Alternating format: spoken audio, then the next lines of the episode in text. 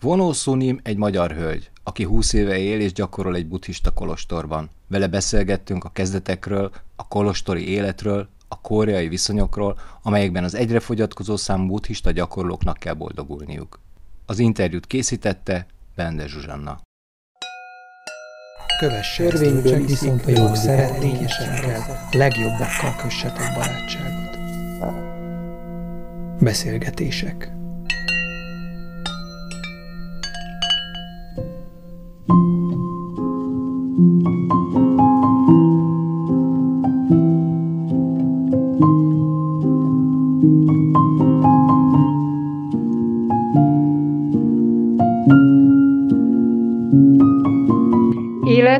ami igaziból elég kemény, mert egész nap dolgozunk. Tehát a hengyaság arról szól, hogy tényleg egy csomó munkát adnak, és hát el, ugye tesztelik az embert, hogy mennyi a, a bírás, kibírása, meg ugye egyfajta az, hogy lerakja a gondolatait, egy nagyon erős gyakorlat. Tehát ilyenkor nincs semmi önálló véleményed, mint hengya mindenkinek a, a alapoktól fogva meg, így magába kell nézni ahhoz, hogy mi az, ami eltakar engem a buddha természettől. Tehát mi a, mik azok a szokások, azok a elképzelések, amik, amiket én kipítettem magamról, a világról és, és, és mindenről. A buddhizmus arról szól, hogy te ki vagy most ebben a pillanatban. Ez nagyon fontos meglátni, hogy a gondolataiddal hozod létre az egész világot, és, és ezek igaziból nem különülnek el a mindennapi életettől. Tehát az emberek nem veszik észre azt, hogy a, a cselekedeteik, a, a beszédeik, a, a, amit élnek a mindennapi pillanatokból, igaziból azok teremtik meg a mostani tehát világot, meg a, a mostani ugye, helyzetek hozzák majd a jövőnek a, a, ugye, a gyümölcseit. Tehát a legfontosabb tiszta tudat megtartása a jelen pillanatban.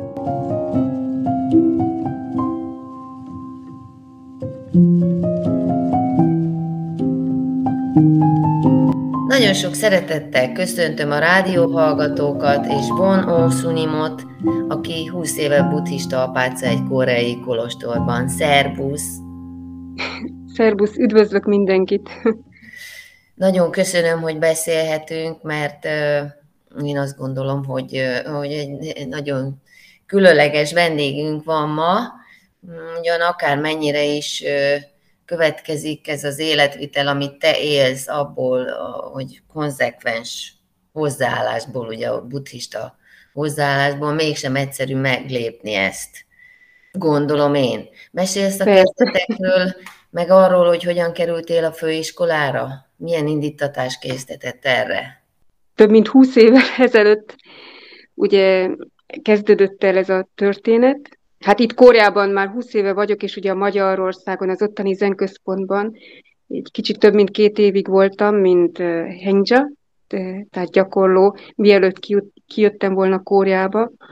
Igaziból a változások bennem 14-15 éves kortól jelentek meg, teljesen váratlanul. Tehát úgy ért, hogy belülről olyan kérdések jelentek meg, amik, amik igaziból nem megválaszolható könyvekből, vagy igaziból nem kaptam választ körülöttem lévő emberektől, és nem is nagyon tudtam kérdezni igaziból, mert a, vagy a szüleim, vagy a család, aki körülöttem volt, igaziból nem volt semmiféle spiritualitás alapjuk. Tehát nem, nem is keresztények, nem is jártak templomba, tehát teljesen igaziból egy olyan környezetbe születtem, ami igaziból messze volt a spiritualitástól, viszont belül természetesen jelentek ezek meg. Tehát szerettem egyedül lenni, így igaziból anélkül, hogy valaki tanított volna, végeztem egyedül meditációt, tehát üldögéltem igaziból, ahogy volt időm, néha így, tehát ebben az időszakban is és megjelentek olyan kérdések, hogy mi, miért ugye vagyunk itt. Tehát az, hogy ezek a elnézést, néha a magyar szavak talán nem könnyű találni, mert ugye hosszú ideje nem, ugye nem használom a magyar nyelvet ugye gyakran. Tehát ö, olyan kérdések, amik igaziból az embert így, így nem hagyták nyugodni. Tehát a körülöttem lévő emberek, vagy a családom, ugye látta az ember ezeket a megszokott életrendeket, vagy ezeket a formákat, amik ugye az emberek mindenféle ilyen mélyebb akár gondolatok nélkül is csak így követik az életnek a bizonyos rendjét, és néha ugye akár jó, vagy akár rosszabb irányba ugye az emberek ugye az életmódjukat végzik.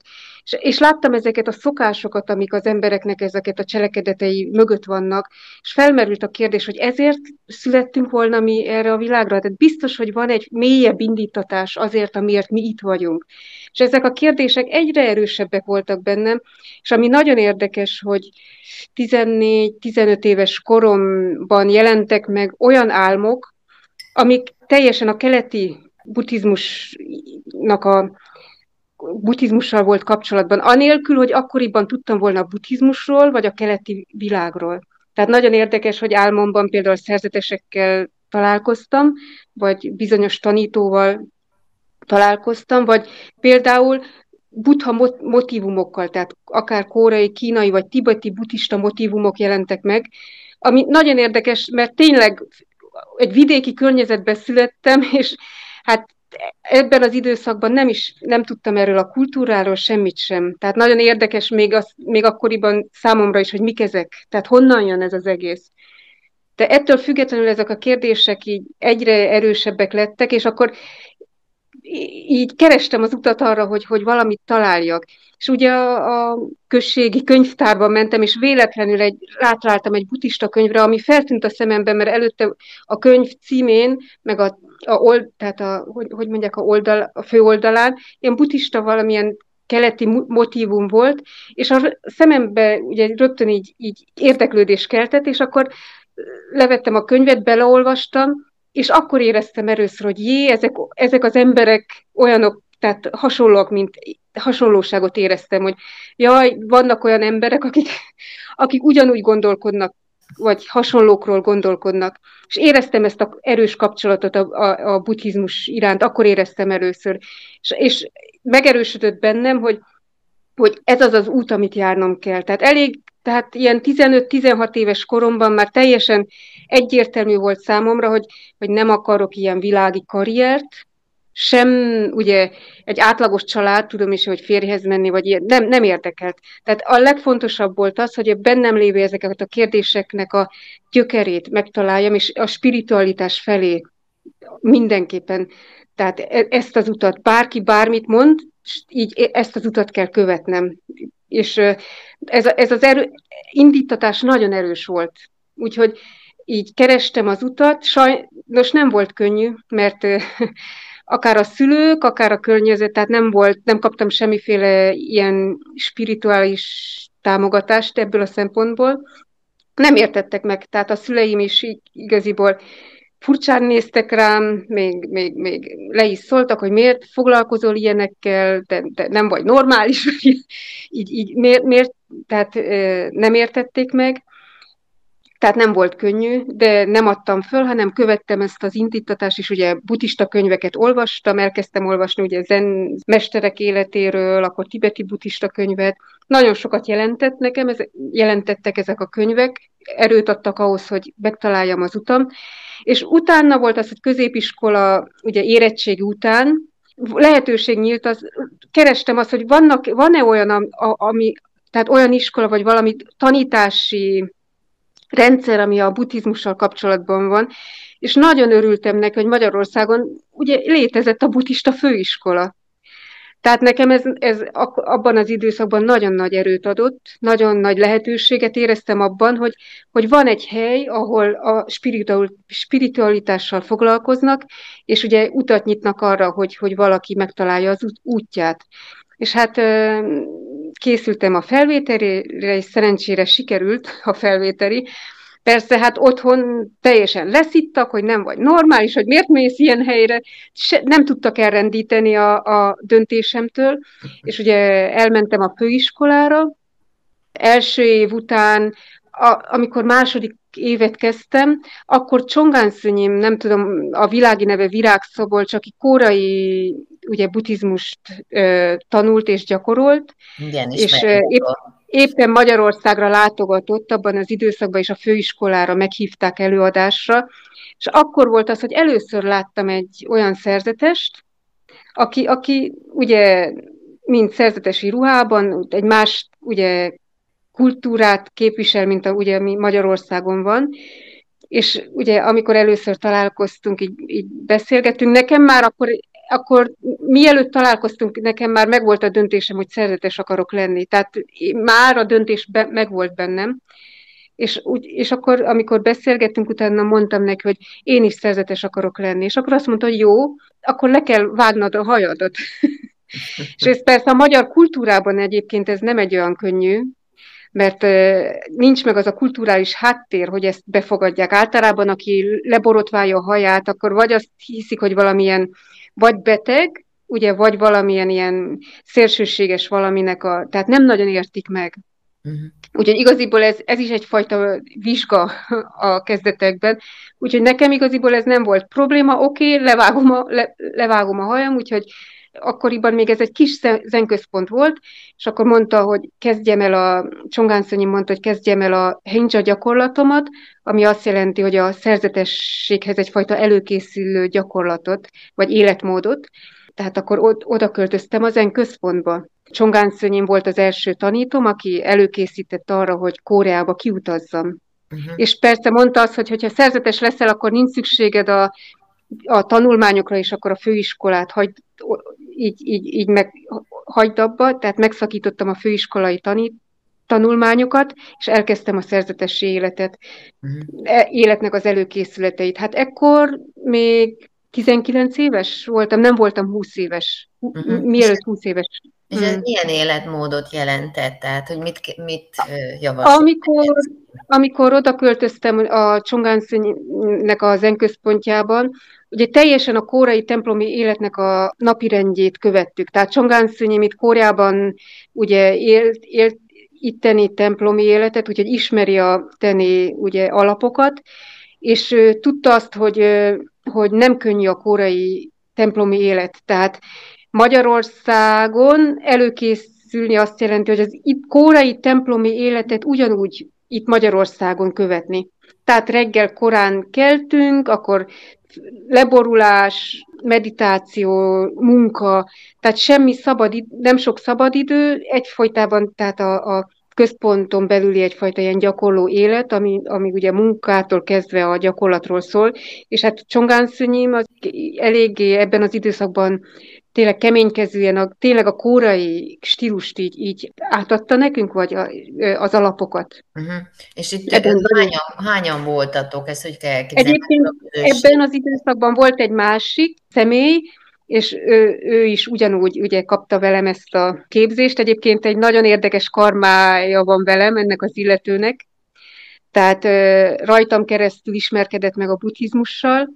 És utána én hatásomra jött a buddhista főiskolára, és utána kijött velem Kóreába, ugyanúgy ez a személy. Tehát egy nagyon érdekes, egyébként még a, a hogy mondják Magyarországon, a kollégiumban amikor iskolába jártunk, akkor ismerkedtem meg ezzel az illetővel, egy nagyon érdekes személy. Ő akkoriban művészettel is foglalkozott, tehát grafikát tanult, és ugye festészettel foglalkozott, tehát mű, művészeknek az életét élte, ami néha kicsapongó, és volt egy nap odajött a kollégiumba, ugye én már akkor is engem ismertek a kollégiumba, hogy buddhista könyveket olvasok, meg ugye más vagyok, és hogyha valaki így, így az ottani kollégium bentlakóknak néha ilyen lelki problémáik voltak, akkor így fölkerestek engem, mindig jöttek csak így kérdezni, vagy csak így elmondani a nehéz, nehéz dolgaikat. Tudták azt, hogy így velem meg tudják osztani. És ez az illető, ez a, ez a másik személy, akit úgy hívnak, hogy Gáledit egyébként, ebben az időszakban. Uh-huh. Tehát oda jött hozzám, és azt mondta, hogy kipróbált mindent, amit tudott, tehát eljutott arra a pontra, hogy nem tudom, magyarul elfelejtettem a szót, hogy kiégett talán, tehát minden kiégett. Így, így, mint művészként is ez a kicsapongó élettől kezdve mindent, viszont érzi azt, hogy valami üresség van benne. És akkor erről elkezdtünk beszélgetni, és akkor és ez még a nem a buddhista üresség volt. És ez, ez még nem a buddhista üresség volt. Ezután ugye elkezdtünk beszélgetni a buddhizmusról, és hogy ezek a kérdések, amik felmerültek benne, mert ugye spirituálisan, meg lelkileg elég nyitott személy volt, így utat engedtek arra, hogy belül ezeket a tapasztalatokat így, így, így tényleg a gyakorlat felé így tudja irányítani, és akkor rajtam keresztül ugye megismerkedett a buddhizmussal, utána a zenközponttal is, meg a buddhista főiskolával is. Na egyébként azt el kell mondanom, hogy ez az illető itt Kóreában szerzetesként ö, volt, és közben megismerkedett egy kórai templom festővel, és ugye összeházasodtak. Ott hagyta a szerzetesi életet, de nagyon boldog, van három gyerek, és nagyon szép, jó életet él. Hm. Úgyhogy néha vannak ilyen fordulatok is, de Igen. egyébként nagyon kiegyensúlyozott életet él. A félre hm. is buddhista. Uh-huh. Nagyon szép. Úgyhogy ott voltunk a zenközpontban, ugye a napi rend az elég kemény volt, úgyhogy Csongán az úgy tényleg mint tanítóként elég keményen fogott minket abban az időszakban, és akkor két év körül utána e, eljutott, arra, eljutott az az időszak, amikor azt mondta, hogy most már elég erős vagy ahhoz, hogy kiutaz Koreában, én bízom benned, mondta nekem Csongán szünyim. Tehát ez, ez a mai napig emlékszem. Tehát mondta nekem, hogy bármi történjen veled, ha, ha felfordul is a világ, te a szerzetességet nem fogod otthagyni, és végig fogod csinálni az utadat, hiszek benne. Most már kimehetsz Kóriába. A mai napig egyébként Csongán Szényimnek ezek a szavai így, így megmaradtak bennem, és hát mindig is köszönettel gondolok arra, ugye, hogy az évek után, hogy, hogy ezekben a kezdeti időszakokban ugye egyfajta ugye, támogatást kaptál. Támogatást kaptam, meg ugye alapokat ugye megadta ahhoz, hogy Koreába kiussak, és utána ugye kiérkeztem Koreába, itt a nemzetközi buddhista templomba vittek minket. Tehát ami azt jelenti, hogy itt vannak külföldi szerzetesek Koreába, ahol képzést ugye együtt gyakorolnak külföldi szerzetesnek, és itt Kóriában ugye a Szungszán mesternek ugye egyfajta vonala, ez a Kvanumzen iskola, ami a külföldi szerzetesekkel kapcsolatban van. Ugye ez, ezen, ez, a, ez a hagyományon belül kezdtem el a, a szerzetesi életet. Tehát itt Kóriában megint elkezdtem a henja életet, ami azt jelenti, hogy a szerzetességhez való egyfajta előkészítő élet, ami igaziból elég kemény, mert egész nap dolgozunk. Tehát a hengyaság arról szól, hogy tényleg egy csomó munkát adnak, és hát el, ugye tesztelik az embert, hogy mennyi a, a bírás, kibírása, meg ugye egyfajta az, hogy lerakja a gondolatait, egy nagyon erős gyakorlat. Tehát i- ilyenkor nincs semmi önálló véleményed, mint hengya. Tehát e, nekem ez itt Magyarországon két év, itt Kóriában egy évig tartott ez az időszak. Ugye a felett felettebb, felettebb valóknak a szavait ugye mindig követnünk kell, nem sok szabadidőd van, nincs önálló élettered, ugye csak a, a templomnak a, ugye követned kell a napirendjét, és hát igaziból nekem ez egy nagyon jó időszak volt, én nagyon szerettem, Ugye amellett, hogy dolgoztunk egy csomót nappal, én, esténként én magam így mentem a darmaterembe és üldögéltem. Tehát még, még meditáció, este... meditálnotok sem kellett, csak dolgozni szó szerint? Hát igaziból a reggeli meg az esti gyakorlatra bementünk mi is, a nappal igaziból munkával foglalkoztunk, uh-huh. tehát a más szerzetes... Uh-huh. És nem, kapt, nem, nem volt darma beszéd, meg nem volt... Voltak, sem... nem, voltak, voltak darma beszédek is, ugye tan, kaptunk tanítást is. Ugye a külföldi szerzeteseknek ez a rendszere igaziból megvolt Szungzán hogy vannak ugye darma tanítók, és hát kaptunk beszél, tanítást, Viszont ugye az, a napirendnek a nagy része az a munkáról szólt. Tehát ez, de egyébként nem csak a Nemzetközi Zenközpontban van ez így, mert ezt a modellt a korai templomból vették át a külföldi szerzetesek is. Tehát általában a korai templomba, hogyha valaki azt mondja, hogy én szerzetes akarok lenni, akkor van egy olyan időszak, amit úgy hívnak, hogy hengyaság. Még mielőtt a novícius fogadalmat megkapná, ez egy az előtte lévő időszak, és általában ez a munkáról szól, tehát nagyon ilyenkor igaziból eléggé egy csomó munkát adnak, meg ugye a hendzsákat így nagyon befogják itt Kóriában is, ugye, uh-huh. hogy, hogy, hogy mennyire erősek ahhoz, hogy szerzetesek lehessenek. Igaziból ez egy olyan uh-huh. teszt időszak is. És mit jelent az, hogy mennyire erős, hogy mit tesztelnek? Erről egy kicsit mesélj, hogy mennyire sikerült a gondolataidat, mint mondod, letenni, vagy elhagyni, vagy milyen változás Tehát ez, ez például, mm, Egyébként ez fog folytatódni még a Szutra iskolában is, mert ez is, ez is egy a, alapoknak a leépítéséről van szó, vagy a gyakorlatáról. Tehát ez azt jelenti, hogy hogy például van olyan, hogy, hogy, hogy te nem értel egyet valamivel, például mondják azt, hogy így kell valamit csinálnod, hogyha van egy másik módszer, ami egy egyszerűbb lenne megcsinálni azt a dolgot, de nem, nem engedik azt, hanem ahogy ők mondják, egy kicsit bonyolultabban, vagy egy nehezebben egy megoldani, vagy, vagy véghez vinni egy munkát például, és akkor tudod azt, hogy a te véleményed szerint nem a legjobb módszert például valaminek a elvégzéséhez, de le kell raknod a, ezeket a véleményeket. Tehát az, hogy valami helyes, helytelen, jó vagy rossz, tehát ezeknek a gondolatoknak a leépítéséről van szó. Az embernek igaziból a, ezek a emberi ragaszkodásai, hogy a saját tere, a saját uh, ideje, vagy hogy valamit én, én most tudom is én, most ki akarok menni valahova, csak úgy, úgy, mert nem tudsz kimenni, mert éppen valami program van, vagy képzés van, vagy munka van. Igényeket így, így az embernek le kell rakni a, a templomért és a közösségért. Egyébként ez egy nagyon erős karma leépítő időszak. Tehát, hogyha ezt valaki jól használja, ezt az időszakot, meg egyébként itt Kóreában a kórai szerzetesek, tehát nem is a külföldiek, a kórai szerzetesek mondják azt, az idősebb szerzetesek, hogy azok, akiknek ez az időszak nagyon tiszta, meg egy, az irányvétel erős, akkor azok a egész életük végig a szerzetességet jól végzik. Tehát ez az időszak nagyon fontos, hogy, hogy igaziból ne feleslegesen töltse el az ember ezt az időszakot. Uh-huh. Meg, meg tudom is én, mert hogy jaj, mert hogy csinálni kell, meg hogy jaj, nyavogni, meg hogy mondják így, csak így ezeket a, a saját ilyen érzelmeket, meg ezeket a dolgokat csak úgy, úgy igaziból lenyomva, így kényszerből csinálni. Tehát a, a, az út útján akadályok jelennek meg az uh-huh. illetőnek. Tehát, Tehát visszaüt, vagy... visszaüt, hogyha nem őszintén ö, mész ezzel a, azzal Persze, a... Persze, és még, nem is, még ha nem is kül, kívülről érkezik ez vissza, hanem belülről. Tehát az, hogy nem föladja, föladja a szerzetességet, nem tudja véghez minni. Hát én, én nekem volt egyébként egy, majd mindjárt elmondom, mert ez érdekes, ez fűződik, hozzáfűződik, tehát akkor befejezzem ezt a részt úgy, hogy ugye megvolt a henja képzés, és akkor utána elküldtek minket a száminyi, tehát novicius fogadalomtételre, ami azt jelenti, hogy kapunk egy, kapu, kapjuk a, a alapfogadalmat, és utána noviciusok leszünk.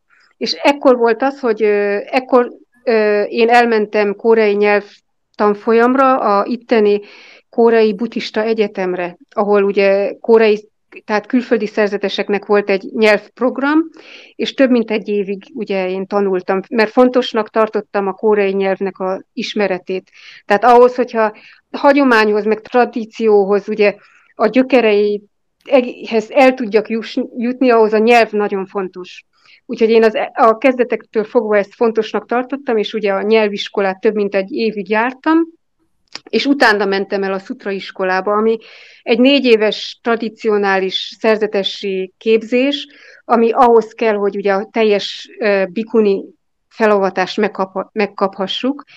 Egyébként ez a Szutra iskola nagyon érdekes, mert vannak, akik igaziból szompan vagy zentermekbe mennek, van egy olyan lehetőség, hogy, hogy zentermekbe mehess, menjenek négy évig, viszont az képzés kicsit más ugye üléssel foglalkoznak, viszont az alapok képzése az nincs meg. Mhm. Viszont a Sutra iskolában ez, a, amit először beszéltünk, a henja életnek egyfajta folytatása. Tehát azt jelenti, hogy ahol én voltam például száz, kicsit többen, mint százan voltunk szerzetes nők, és egy nagy teremben együtt ugye tanultunk, együtt ettünk, együtt alu, aludtunk. Tehát úgy képzeld el, mint tényleg ilyen nem tudom, hogy lehet ezt mondani, mint a katonás, így, így egymás mellett így a ágyneműket, így, így a, mert padlókultúra van, tehát ilyen tényleg egy szardinia-szerűen, ilyen, hogy mondják magyarul, ez a összetömörítve így. így, így a szardiniák, így mondják, így, igen. Ez a, egy nagy teremben, nagy teremben, ugye a, a ne, negyedik éveseket, ugye az, az, azoknak van már egy, amikor negyedikes lesz valaki, egy külön szobájuk, de az első három évesek egy, együtt, egy teremben vannak az első, második és a harmadik évfolyamnak a tagjai. Mm-hmm. Tehát mi körülbelül 70-en voltunk egy teremben, és akkor, hogyha szerencséd volt, akkor a melletted lévő éppen nem, hor, nem egy horkolós szemét kaptál a, a füled mellé,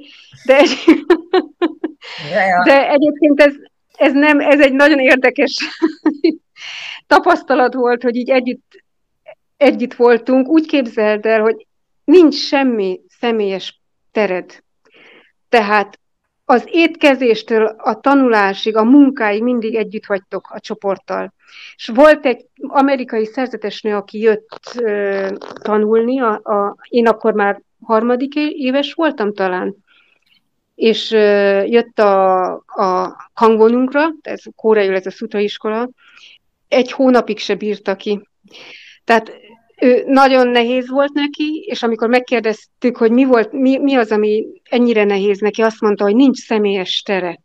Uh-huh. Tehát nem tudja elviselni azt, hogy nem tud egyedül lenni még egy öt percre sem, tehát az egész, meg nincs saját ideje. Uh-huh. Tehát az amerikai kultúrának ez az erős individuális ugye, karaktere, tehát itt a kórei ebben a templomi környezetben ez teljesen le volt nyomva, és ugye ezt az egoitást nem tudta lerakni. Uh-huh. És nagyon nehéz volt neki. Az itteni templomi vezetők seg- próbáltak segíteni abban, hogy adtak neki egy külön kis szobát, de még ez sem oldotta meg a problémát, és akkor utána fogta magát, elment, és utána hallottam, hogy visszament Amerikába, és ott hagyta a szerzetesi életet. Uh-huh, uh-huh. Tehát nem tudta végigcsinálni. És, ne, és rád milyen hatással? Neked ez hogy sikerült?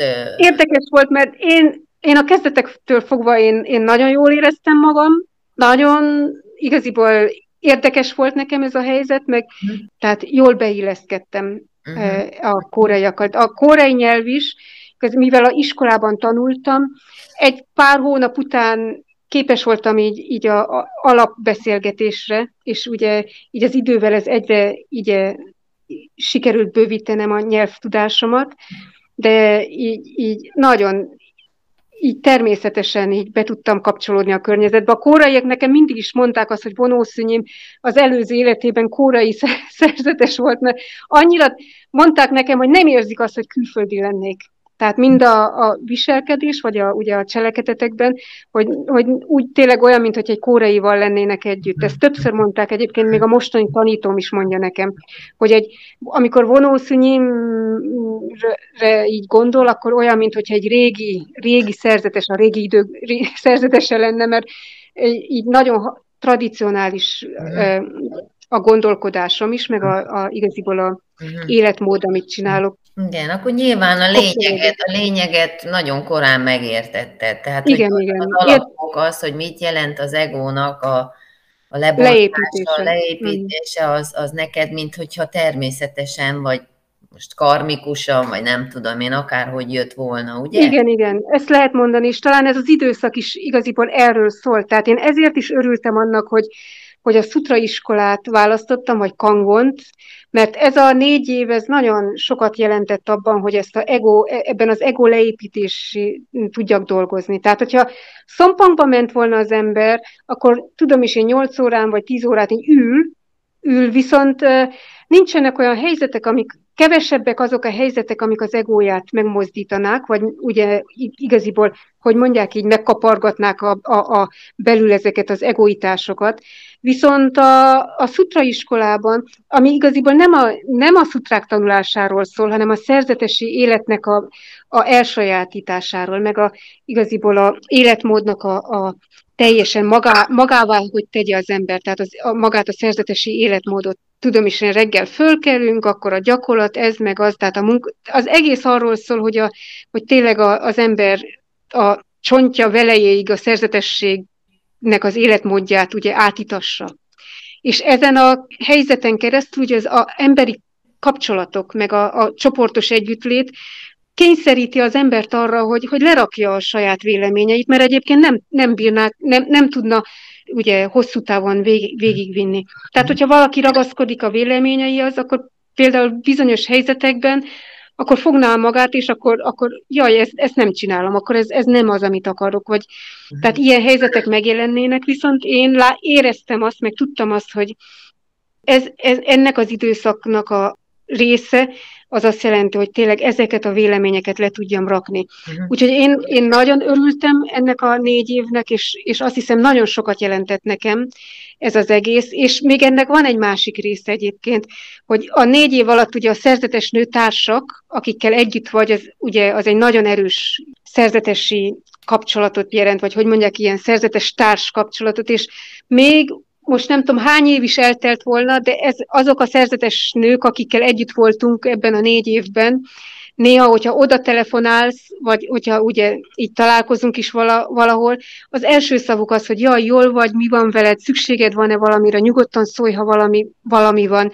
Tehát ez végig kíséri az életet, ez a, ezek a darma barátság, vagy nem tudom, hogy mondják, ennek, van ennek egy kórai... Szanga, szangatársak, nem? Szangatás, szangatás, ez talán jó, jó ez a szó. Uh-huh. Hogy ez, ez a szangatás, ez az egész élet végig, ez tényleg így végig kísér az ember, nagyon erős kötelék. Még hogyha távol is vagyunk egymástól, vagy más templomokban is gyakorolnak az illetők, de ez a kapcsolat megmarad.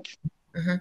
És hát kérdezzek valamit, mert mondod, hogy minden véleményt le kell tenni, ugye, mert valószínű, hogy itt van a kutya elásva, tehát, hogy itt nagyon sokan elakadunk, hogy most csak a darmával kapcsolatos, ez a kis vélemények, tehát, hogy, hogy megtanuljuk valahogy, értjük valahogy, amit tanított a butha, és akkor kialakul egy vélemény. Mondjuk úgy, hogy Persze, vélemény. pontosan. Egyébként nagyon jól rámutattál tehát mindenképpen van valami véleménye az embernek, és ez akkor, ahogy elmondod, az nagyon fontos, hogy a darmával kapcsolatos véleményünket is le kell tenni valójában. Pontosan, pontosan. Tehát ez, ez azt jelenti egyébként, ez a, egy nagyon érdekes ez a, ez a vélemény, hogy ez, ez mit jelent. Ez a, igaziból ez a vélemény egyfajta ragaszkodás, ragaszkodást jelent, és ugye akár a darma, vagy akár csak a mi hétköznapi dolgok mechanizmusát az ember kicsit közelebbről megnézi, akkor ez egyfajta ragaszkodás jelent, ugye? Igen. Amikor ezt az ember a gyakorlat felé visszafordítja, akkor meglátja azt, hogy, hogy en, ezeknek a gondolatoknak, elképzeléseknek, vagy ragaszkodásoknak, véleménynek a gyökere üres. Igen. Tehát ez, ez a üres természetet, amit nem intellektuálisan, ugye nem csak megért az ember, hanem a cselekedeteken, vagy ugye magáéval teszi. Mm. Tehát itt van a ebben, hogy, hogy nem csak intelligens, intelligencián keresztül megérti ennek a jelentését, hogy ugye a gyökerében ezek a dolgok üresek, hanem magáéval teszi és megtapasztalja. Például mondok egy példát, hogy emberi kapcsolatokban vannak olyan helyzetek, amikor nem értek egyet valakivel, vagy az illető ugye más véleménnyel van. Helyzetnek megfelelően, például, hogyha a illetőért így le tudja valaki rakni a saját gondolatait. Tehát meglátni azt, hogy azok a gondolatok, amikhez én ragaszkodok, igaziból állandóan változnak. Ja, magyarul nem, nem mindig ez a könnyű, a megfelelő szavat megtalálni. Nagyon jó érthető elmondani. Egy, egy állandó változásban vannak ezek a, ezek a dolgok. Állandó, nem csak a gondolatok, állandó, hanem én saját magam, meg az egész világ. Tehát abban a pillanatban, amikor én elkezdek ragaszkodni bármihez, már az fajta... állandósághoz ragaszkodsz, miközben állandótlanság van mindig örök. És akkor abból a szenvedés megjelenik, tehát akkor elkezdődik a szenvedés is. Ez, egy szép Te, kör, ami így bezáródik. Hogy... Tehát nagyon érdekes tényleg, amikor a gyakorlatnak egy másik, úgy, amikor hozzá a, a gyakorlat felé az ember egy kicsit más irányból ugye közelít. Tehát nem csak a fizikailag, hogy ülök, hanem az ember meglá- próbálja meglátni, hogy mik azok a gondok, amik engem eltakarnak a, a buta természetnek a meglátásából. Tehát mik azok a szokások, azok a habit, vagy mik azok a karmikus szokások, vagy érzelmek, gondolatok, amik bennem így, így be vannak rögzülve, meg ugye a világ, világot egyfajta ezen a szemüvegen keresztül nézem. Tehát mindenki igaziból ez saját magának egy nagyon, tehát őszintén hozzá, így meg kell közelíteni ezt a dolgot saját maga. Mm. Tehát a gyakorlat utána van, tehát az, hogy ülünk, meditálunk, tehát mindenkinek a, a alapoktól fogva meg, így magába kell nézni ahhoz, hogy mi az, ami eltakar engem a buta természettől. Mm. Tehát mi a, mik azok a szokások, azok a elképzelések, amik, amiket én képítettem magamról, a világról és, és, és mindenről. Uh-huh. És, és meg tudtad különböztetni, vagy meg tudod magadban különböztetni már ezt, hogy mi az, amit hoztál, mondjuk úgy, hogy karmikus, és mi az, amit tanultál, amit, amit a környezetből vettél fel szokást, és hogy, hogy, hogy mit kezd az ember vele, tehát hogy hogyan teszi le, nem tudom persze, hogy a karmikusokat nyilván nehezebb mondják, de meg, meg tudod ezeket különböztetni magadban?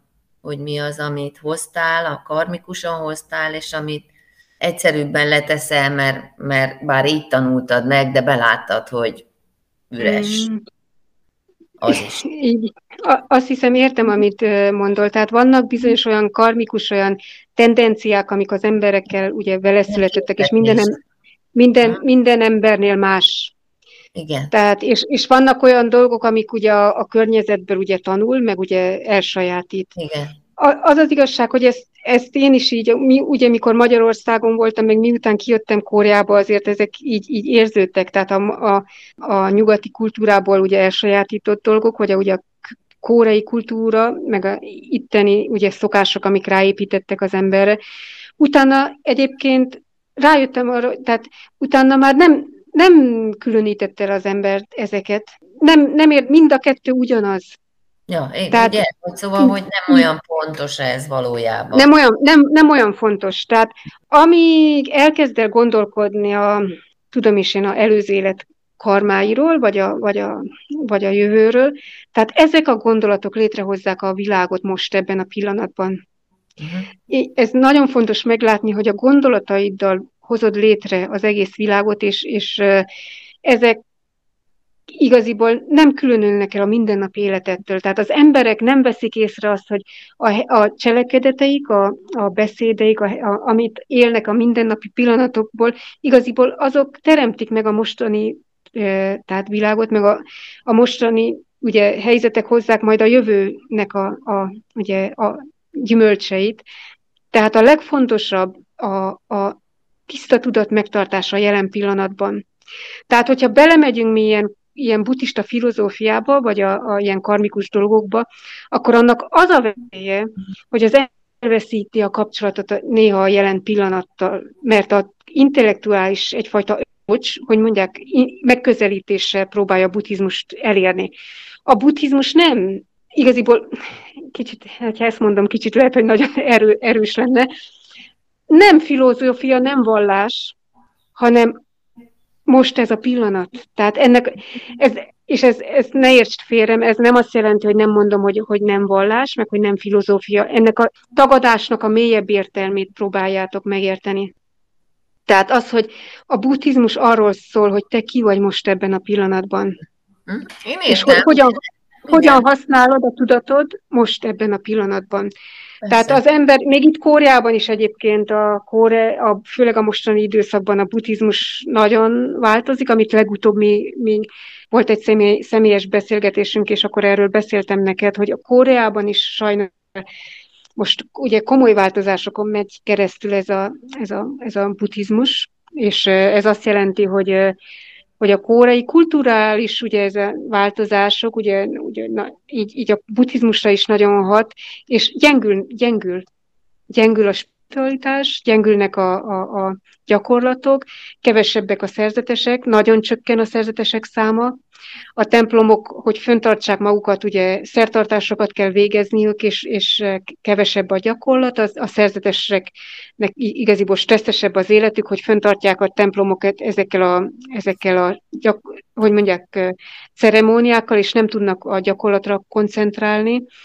Tehát persze ez nem jelenti azt, hogy nincsenek gyakorlók, csak azt, én azt mondom, hogy ugye itt is változások vannak, és csökken csökkennek a gyakorlatok, a zentermekben kevesebbek a gyakorlatok, a gyakorlók, a szerzetesek, nem mhm. sok szerzetes van, kevés, a zentermekben is kevés a tanítás, tehát itt, itt is kevesek a tanítók, nehéz tanítóval találkozni, így a most, mostani időszakban is már az igaziból a szerzetesek ugye önmaguk így gyakorolnak, vagy tehát nem, nem kapnak tanítást tanítóktól, komoly változások vannak ám itt is a, a, a kórei buddhizmusban.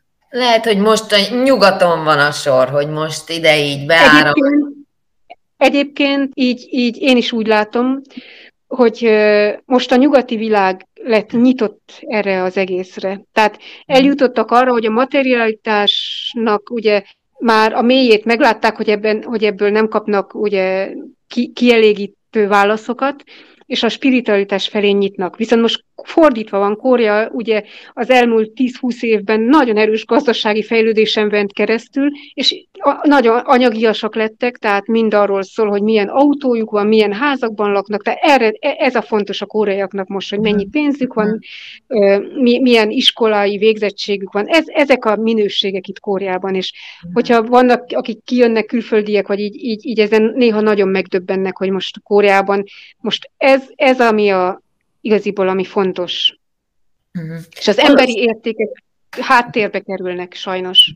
Igen, de valószínű, hogy ez egy ilyen pulzálás a világban, nem? Hogy most kiáradás van, aztán beszívás, tehát hogy, hogy az embereknek meg kell ezt is tapasztalni ahhoz, hogy, hogy odaforduljanak, aztán befelé forduljanak. Tehát, hogy a nyugat fordult kifelé eleget ahhoz, hogy most Pontosan, pontosan. Egyébként jól, jól mondtad, fordult kifelé eleget most ahhoz, hogy befelé forduljon. Mm. Nagyon jól, úgy érzem, nagyon jól megfogalmaztad, és hát most Korea abban az időszakban volt, kifelé fordul, úgyhogy talán majd a jövőben, hát bízom mm. benne, hogy befelé is fordul, de hát, hát egyenlőre a szerzeteseknek a száma nagyon csökken, tehát évről évre nagyon, nem akarnak szerzetesek lenni most a kóreaiak, tehát nagyon csökken a szerzetesek száma, és mm. hát a templomok üresednek ki.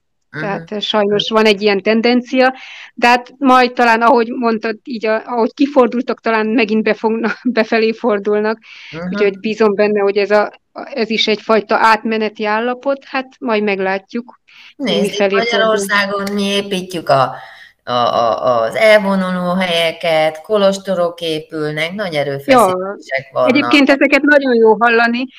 Én igaziból az, hogy már tényleg 20 éve, hogy ugye kint vagyok itt Kóreában, így, így nem tudtam, hogy hát nem voltam benne biztos, hogy Magyarországon most milyen alap, tehát mennyire nyitottak a buddhizmus fel, buddhizmus felé, vagy mint szerzetes nő, hogy én, én nekem meg lenne a helyem Magyarországon, de azok után, amiket elmondtad, itt tényleg így nagyon biztató, meg nagyon jó hallani, hogy ugye megvannak ezek a spiritualitás, spiritualitás utak, meg ugye a érdeklődés a, a megvan, gyakorlat megvan. felé. Bőven lenne nagyon jó helyet, főleg nőként hiány van a női, a női spirituális vezetőkből, tehát nekem nagy boldogság, hogy beszélhetek veled, és hogy egyszer lehet, hogy hazajössz, mert tényleg Hát nagyon, bízom benne, hogy, hogy lesz lehetőség a jövőben, hogy személyesen mm-hmm, mindenképp, hogy találkozzunk. Aki ennyire intenzíven úgymond kolostorba foglalkozott ezzel,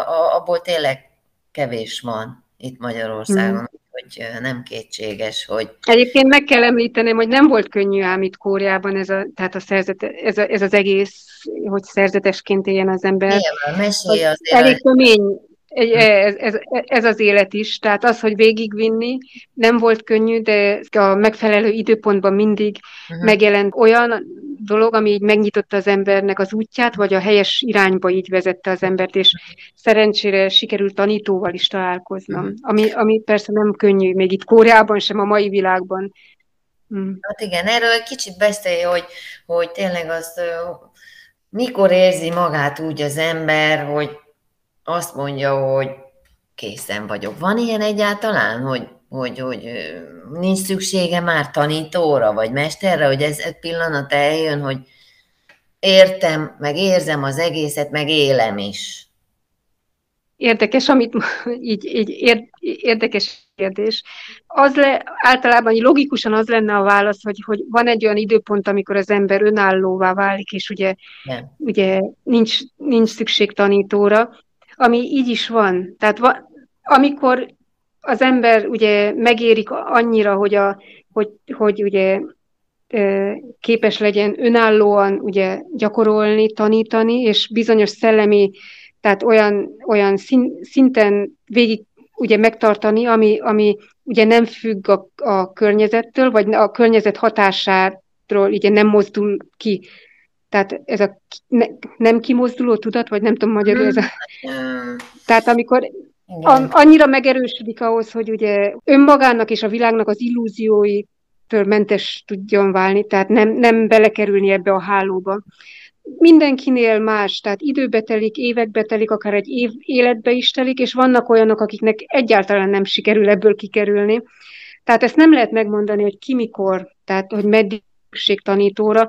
Annyi biztos, hogy a kezdetekben nagyon fontos, a gyakorlat alatt is nagyon fontos, mert nagyon vannak olyan időszakok, amikor az ember például a gyakorlatában beleesik bizonyos állapotokba, vagy ugye e, hibákba, amik ugye azt hiszi, hogy elértem valamit, vagy, vagy már elég a gyakorlat, például ez is egy illúzió. Tehát ezek a, ezekben a helyzetekben a tanítónak a jelenléte nagyon fontos, és utána, amikor a gyakorlata megérett ahhoz, hogy már nem a tanító személy, aki tanítja, hanem az egy világ tanítóvá válik. Tehát ez az az időszak, amikor azt lehet mondani, hogy az illető kész arra, hogy tanítson másokat.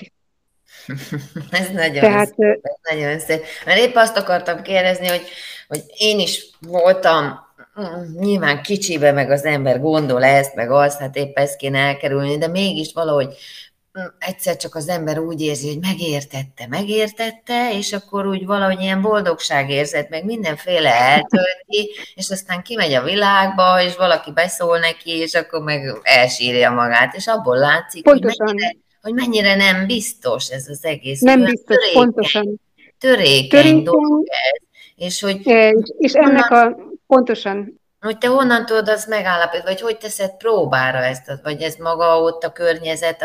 Egyébként is... a, elnézést, hogy közbeszólok, amit mondtál, hogy elsírtad magad, vagy például elsírja magát az ember, volt egy jó tapasztalata, és akkor kimegy a nagyvilágba, és akkor van egy helyzet, ami rögtön kimozdítja. Igen. Tehát ez, ez, pontosan ez az, ami teszteli, meg mutatja azt, hogy, hogy nem volt helyes a gyakorlata, vagy nem, nem volt elég mély az, amit megtapasztalt, vagy csak egy részlete volt a, annak, ami, amit a gyakorlatnak talán csak a, a, a árnyéka, vagy csak a, a, amit, amihez jutott. Tehát nem jutott el elég mélyére a gyakorlatnak. De, egyáltalán. Tehát ez a gyakorlat, vagy ami ugye, ez, egy, e, ez az egész életről szól. Tehát ez egész élet, amíg él az ember ebben a testben, ez, ez folytatódik, és nekünk ez a testünk megvan, tehát a, ennek a karmikus hatásai alatt vagyunk.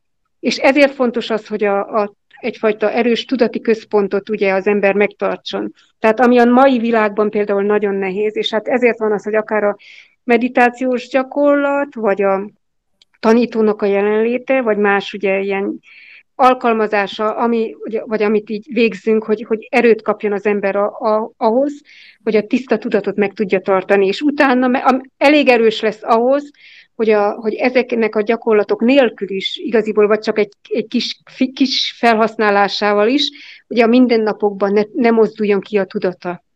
Uh-huh. Tehát így különböző technikák vannak, ugye akár meditáció, akár én az itteni tanítom, mi végzünk ta, taoista joga gyakorlatot, vagy légzőgyakorlatot, amiről még így legutóbb beszéltem neked. Uh-huh. Ez például nagyon segít abban, hogy a tan- tantien megerősöd, tehát hogy a központja megerősödjön az embernek.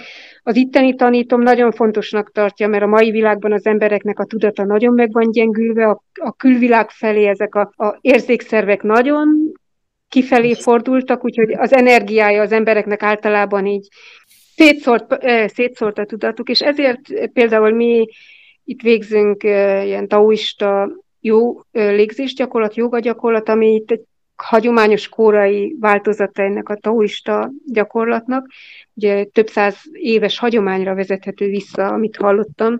Tehát nagyon érdekes egyébként, hogy végeztük, mert tehát fizikailag is így az embert kicsit helyrehozza, meg ugye energetikailag is így, így, erőt ad ahhoz, hogy a, hogy a energiája ugye ne mozduljon annyit, tehát a tudata ne szóródjon szét. Tehát ezek a gyakorlatok ugye a mai világban igaziból segítenek abban, hogy, hogy az ember kicsit megerősödjön ahhoz, hogy a mindennapi életekben nem mozduljon ki helyzetekre, embereknek a szavaira, vagy ilyen, akármilyen ilyen eseményekre, vagy amik így hirtelen ilyen megjelenő dolgokra, ugye amik általában az embereknek az életében gyakran megjelennek változások, és akkor, akkor akár depressziótól kezdve bármilyen ilyen érzelmi, ilyen, ilyen válságokon mehetnek keresztül. Tehát a gyakorlat segít abban, hogy ezeknek a állapotokon ugye az ember ugye átjusson, és a gyakorlatra fel tudja használni a gyakorlatra ezeket a heteket. Uh-huh. uh-huh.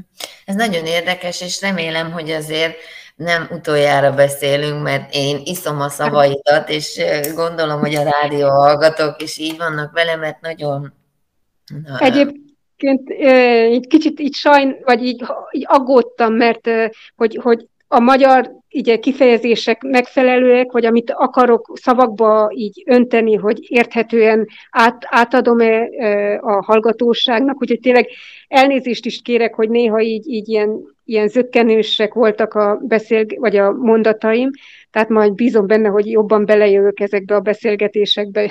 Semmi gond, semmi gond, nagyon világosan mondtad el, ahhoz képest, hogy nem beszélsz magyarul 20 éve, ott nyilván nincs más magyar veled, ugye, vagy van?